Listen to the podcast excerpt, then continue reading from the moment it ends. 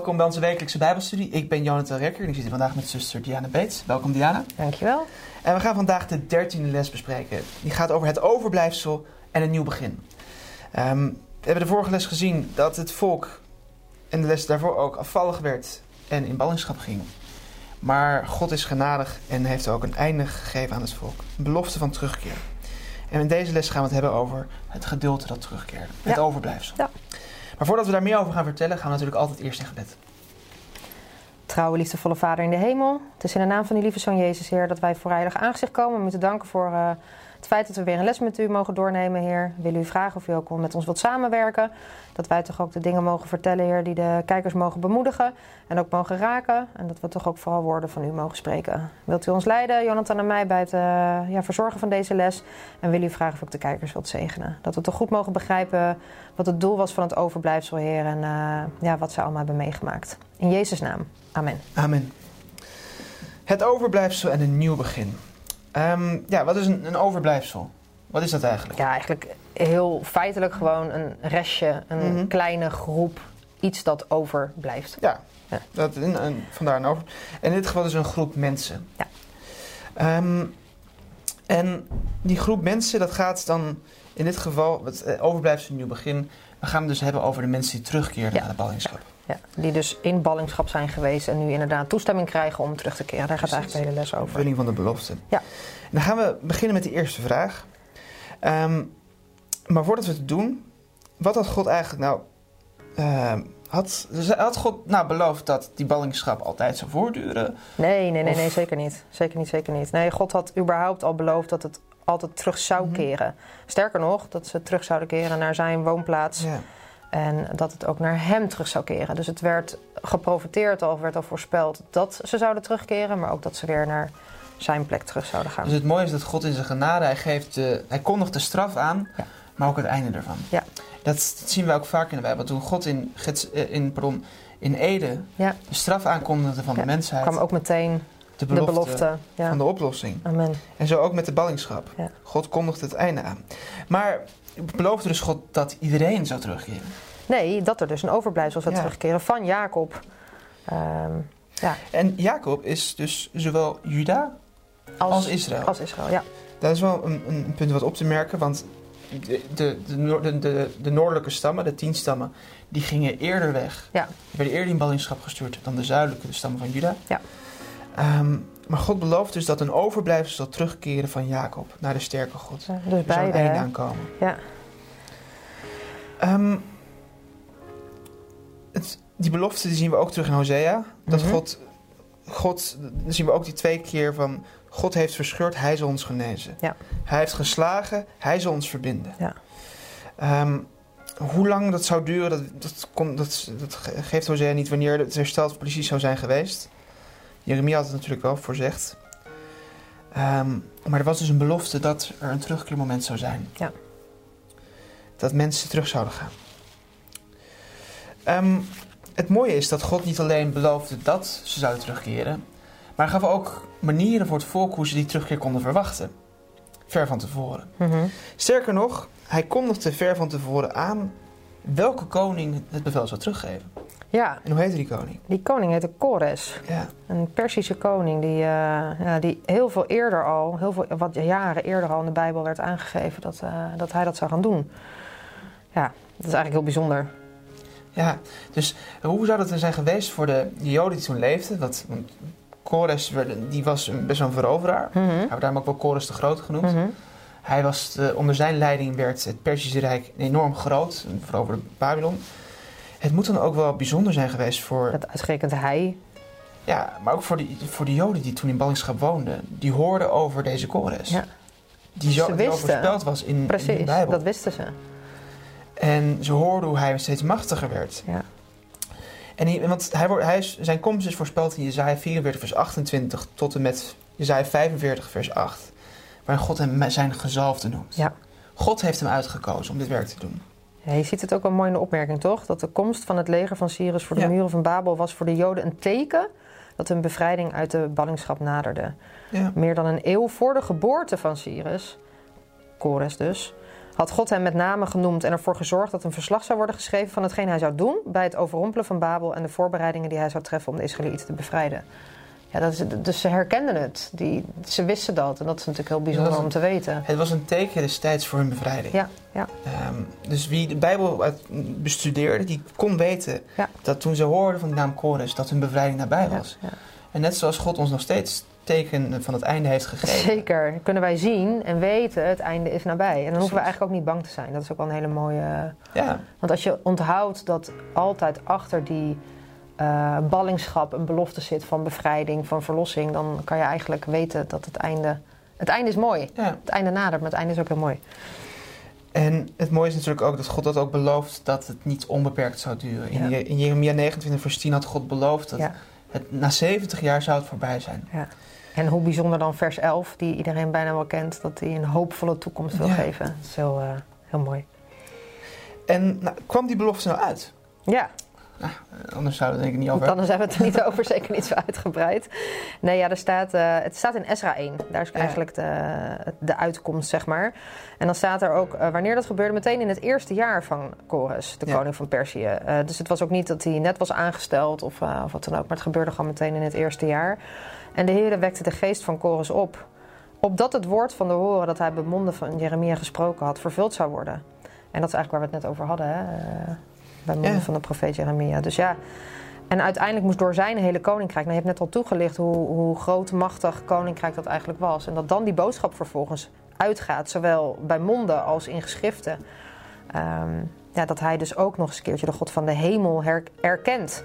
Ja. En eh, ja, dat, dat, dat hij ook ziet dat God hem heeft opgedragen om een huis voor hem te bouwen in Jeruzalem dat in Juda ligt. Nou ja, dan eh, krijgen ze de opdracht om dat te kunnen doen. Het- het- ik vind het zo bijzonder dat eh, de Bijbel zegt dat ook God, ik weet niet of je dat hebt aangehad, de Heere de geest van Kores Ja, opwekte. ja. Ehm, het, het was was de dus- Heer die het deed. het volk hoefde dus zelf geen, geen, geen pleidooi te houden voor Kores. Om te herinneren, weet je nog, hier staat het trouwens, wist je dat? Ja, maar God, God zorgde ervoor dat het kon gebeuren. Ja. Ehm, we weten overigens wat het uit de geestprofetie dat Kores ook zijn eigen naam had gezien wel. Mhm. Maar het was God die ervoor zorgde dat het, dat het, dat het kwam. Ja. Eh, God zorgde ervoor dat een einde aan, aan die tijd kwam. Ja, Ehm, en zo werd Ezra, wiens naam al gevallen is, natuurlijk als eerste aangesteld als leider van eh, de terugkeerlingen. Ja. Was het als een onderdeel daarvan. Ook primair Zerubabel en Jozua. ja. God eh, had zijn leiders gekozen.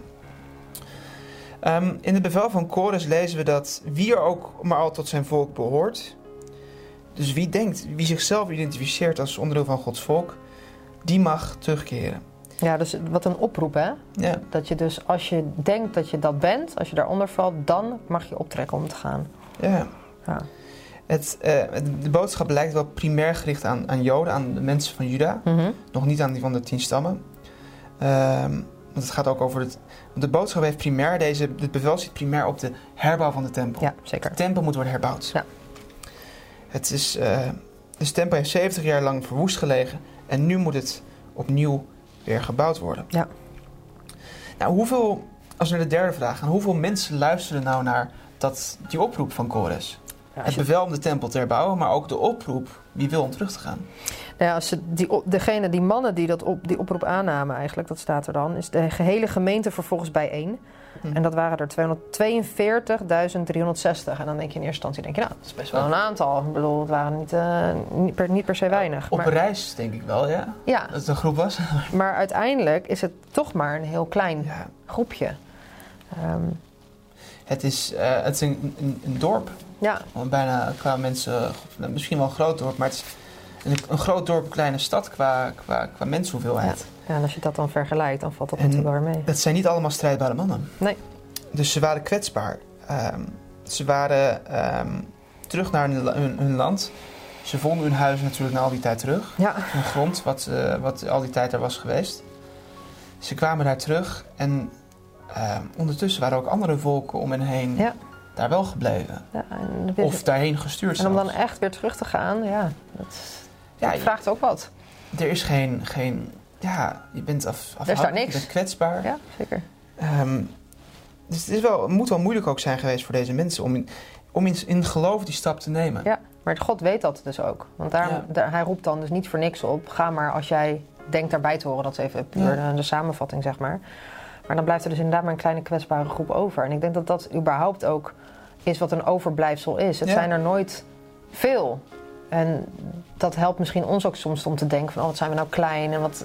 Dat, het gaat niet om de grootte of om de aantallen. Het is eigenlijk Nee. gewoon de, de ware gelovigen... degene die echt oprecht voor God willen kiezen... die, ja, die zetten die stap in geloof. Het, het succes van Gods gemeente wordt niet gemeten in ledenaantallen, maar Nee. in eh, de trouw aan zijn woord. Ja, zeker. En ehm, ja, je kan miljoenen leden hebben, maar als, als de waarheid niet in de gemeente is. Jezus zegt, ik ben de waarheid. Ja. Ik ben de weg, de waarheid en het leven. Ja. En als de waarheid niet in de gemeente is, dan Ja. is Jezus zelf dan in de gemeente. Dus het is inderdaad veel belangrijker. Dus God kijkt nooit naar de omvang van de groep. God kijkt naar de getrouwheid van de groep. Ja. Hij kan, zelfs als er geen mens ervoor kiest om hem te volgen, spreekt hij door de straatsteen. Ja. Ik vind het nog wel mooi trouwens dat die, als we ons beseffen dat het maar een klein kwetsbaar groepje was, dat vervolgens dan de opmerking ook nog aangeeft dat de lange tocht door de woeste vlakte veilig volbracht werd. De blijde mensen, dankbaar aan God voor zijn vele barmhartigheden, begonnen dadelijk met het herstel. Dus niet eh eerst nog wat anders doen, nee, dadelijk met het herstel van wat afgebroken en verwoest was. En de familiehoofden gingen voor bij het schenken van hun gaven om de onkosten voor de bouw van de tempel te voldoen. En het volk dat hun voorbeeld volgde, gaf overvloedig van hun geringe bezittingen. Ja. Dus je geeft overvloedig van wat je weinig hebt. Dit is, het. dit is natuurlijk mooi. Het is ook het besef voor ons dat ehm,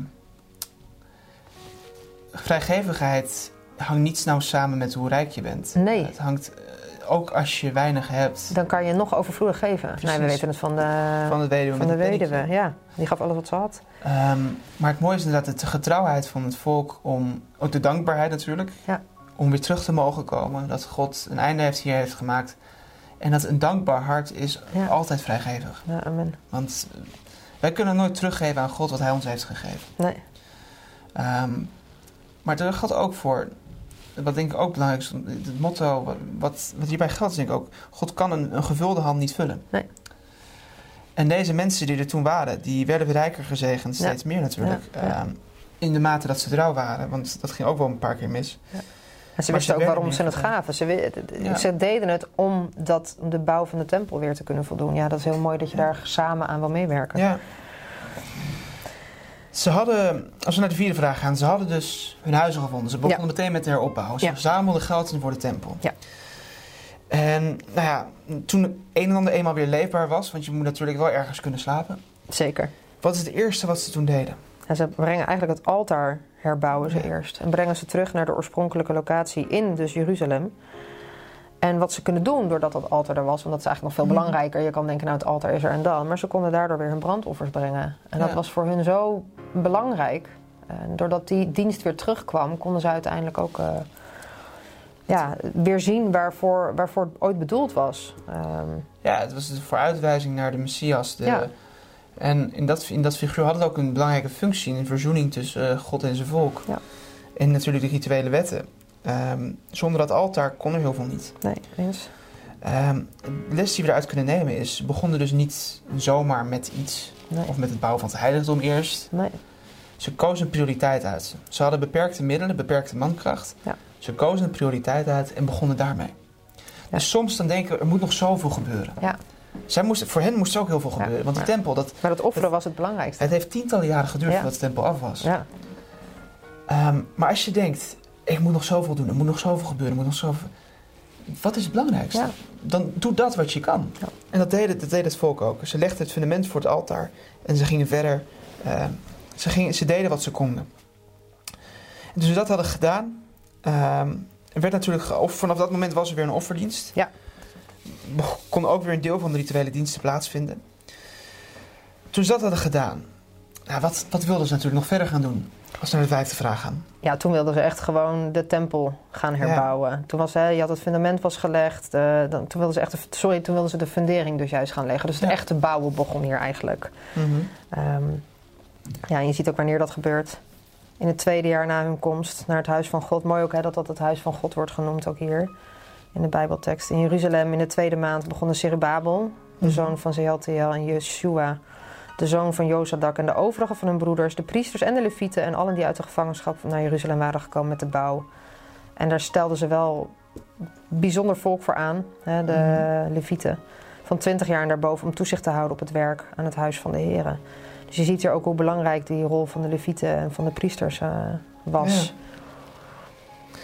En het, het heeft wel lang geduurd overigens voordat de tempel af was. Ja, Ehm, het, de bouw ging traag. Traag. Er, kwam veel tegen, er kwamen veel tegenslagen. Slagen. slagen. Ehm, en maar het, het mooie is natuurlijk wel, ze deden wat ze konden. En op een gegeven moment, er is natuurlijk ook een periode geweest dat ze stopten met, met bouwen zelfs. Ja. En, en dan komt er een aanklacht zeggen, god jullie zijn bezig met jullie huizen. En, en wat niet gebeurt met, met mijn tempel, huis? ja, zeker. Dus het ging ook wel een paar keer mis. Maar een half jaar nadat ze het altaar hadden gelegd, begonnen ze met de fundering. Ja. Met het belangrijkste. Dus er was in het begin was er ook een, een goede geest. En die geest die zwakte iets, iets Ja. af na de tijd. Het kan ook met ons gebeuren. Dat we ergens mee beginnen en het steeds minder wordt. Maar God had een plan en het werd voltooid. En uiteindelijk werd na het tweede bevel van Darius... Mhm. Die gaf het bevel dat er nieuwe middelen moesten komen. Vers geld. Ja.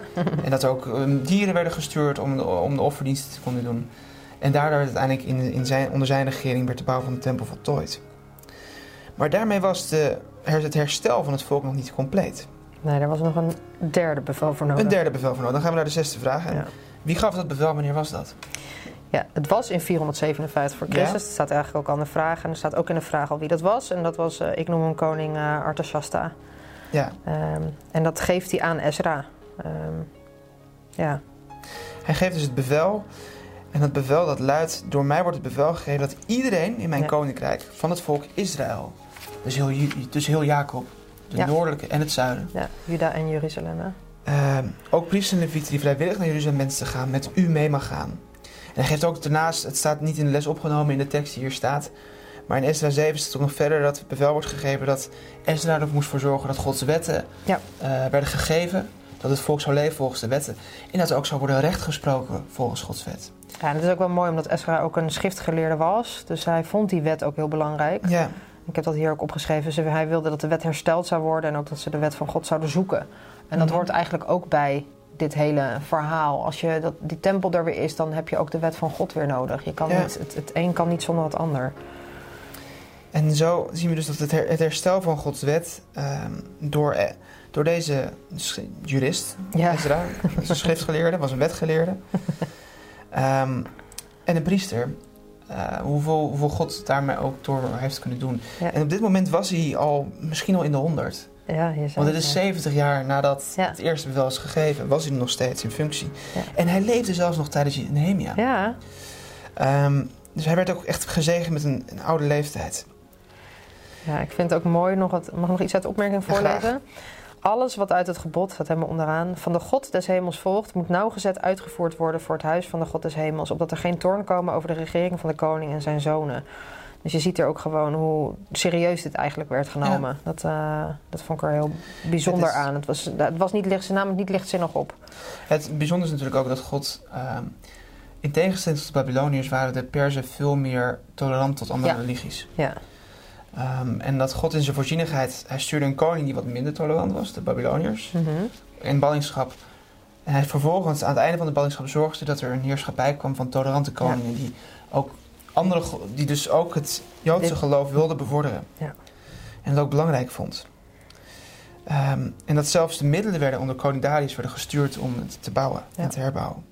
over vrijgevigheid gesproken. Ja. En dat hij vond ook het belangrijk dat er voor, zijn, voor, voor hem en voor zijn zonen werd gebeden en geofferd. Ehm, maar daarmee was het nog niet klaar. Dus Nee. de tempel was gebouwd, eh, al voor het derde bevel. Nog meer mensen voegden zich naar die oproep. Want die oproep was eigenlijk al vooruitlopend op de erge tragedie die zou Mhm. kunnen plaatsvinden onder Ahasveros en Esther. Had God nog een laatste waarschuwing, een laatste oproep gegeven om dat te ontvluchten. Ehm, maar als we kijken naar eh, ja, Jeruzalem, ja, er, was weer een, er was weer rechtspraak van het volk, er waren weer wetten van het volk. De tempel was herbouwd. Maar ja, mensen voelden zich nog niet helemaal veilig. Nou ja, en als het dan over veiligheid gaat, hè, dan, dan heb je stevige Ja, muren nodig. Muren worden vaak gezien als een vesting. Dat Ja. is toch iets, iets heel belangrijks, denk ik. En, eh, ja, want in die tijd in de stad, als je daar woonde, ehm, ja, en als iemand zomaar naar binnen kon komen en je spullen kon stelen en dergelijke. Dus een, voor een stadsmuur was heel belangrijk Ja. vroeger. Ja. Om ervoor te zorgen dat niemand aan de tempel zou zitten en dat er geen dingen zouden gebeuren. Ja, maar die muren die waren niet in een hele goede staat meer. Nee. Dus die moesten ook herbouwd worden. We hebben het de hele les al over herbouwen. En dat is eigenlijk hier ook het geval. En dan, ja, dan kom je bij vraag 7 natuurlijk Ja. uit. En dan gaat het over één heel actief iemand. Ja, die, die hoort, hij hoort over van een van zijn, van zijn broers, zegt hij, over hoe erg het is in de stad. Ja, En hij wordt met diep verdriet gevuld. En een tijd lang doet hij zijn best om dat te verhullen voor de koning. ja. Ehm, en loopt, hij loopt maar met. Het laat ook zien hoe betrokken hij was bij het volk. En bij, en bij Gods tempel. En dan zegt de koning op een dag: hey, wat, wat is er met je aan de hand? ja. En dan stelt hij een vraag. En dat is het, het mooie. Kijk, hij ziet een kans. Ja. Hij ziet een gelegenheid. Ja. En de- de- het mooie is dat de Bijbel zegt: op dat moment, toen de koning hem vroeg wat verzoekt hij dan, toen bad ik tot de God in de hemel. Ja, mooi hè? Dus En hij toen? bad in zichzelf. Precies. Dat laat dus ook zien dat we altijd met God kunnen blijven spreken. Ja, waar we ook zijn. Hij bad in zichzelf om kracht, omdat God het mocht leiden. En wat zegt hij vervolgens? Ook iets heel nederigs, vind ik. Ja. En dat deden ze heel vaak in die tijd. Als het de koning goed dunkt, dat zei Esther ook altijd. eh, Mhm. En als uw dienaar uw weggevallig is, dat u mij dan naar Juda stuurt, naar de stad met de graaf van mijn vaderen, zodat ik die weer kan opbouwen. En ja, nou, dan zien we vervolgens wanneer dat dan gebeurde. Maar hij wilde, hij wilde naar Juda toe, terug om de, ja, de muren op te bouwen, de stadsmuren op te bouwen. Het is Nehemia is zo'n een, een, een, een voorbeeld van een, een actieve, Ja. krachtige, eh, proactieve leider. Hij ziet een kans. Hij werkt mee Ja, op de vloer. Ik bedoel, Hij- bedenk niet alleen het plan en laat het dan uitvoeren, maar is erbij, betrokken. ja. ja absoluut. En hij, hij heeft een goed baantje daar aan het hof. Ja, Eh, Ja, dat is prima te doen. Ja. Maar hij voelt zich betrokken. Hij voelt een roeping. Ja. Hij ziet een kans en hij gaat Ja. zelf. Ja. Hij inspecteert zelf en hij gebruikt zijn positie die hij heeft om ten behoeve van Gods volk. Nou, en die tempel dat duurde dus een paar tientallen jaren. Ja. En dan denk je, nou, zo'n stadsmuur, hier is best wel een grote stad. ja. Om zo'n stadsmuur te herbouwen, dat zal dan ook wel even duren. heel lang. Maar hoe lang duurde het nou voordat die muur af was? 52 dagen. Dus dan niet eens twee maanden. Nee, dat is echt kort. Dat is, Maar dan eh, heb je het dus ook over actief zijn. dat is een Dus- basisschoolvakantie. Dat is echt heel snel. Dat is, ja, iets langer, dat is iets langer dan de basisschoolvakantie eigenlijk. Maar dat is zo... Dat is heel snel. Ja, en er werd op Sabbat natuurlijk niet gewerkt. Nee, Dus dat is... ja, dat is niet te Het geloven. laat zien dat God echt met hem was. Maar Ja. ook... Als, Ook dat hij dus echt wat deed. Je, je, kan, Ja. je werk wordt gezegend als je dus iets gaat doen, ook als je actief bent in het. Ja. Het niet alleen maar, dat, er wordt ook heel veel nog over gezegd in voor verdere studie, maar het niet alleen maar zeggen of alleen maar bidden, maar Nehemia is zo'n mooi voorbeeld van het ook echt doen. ja.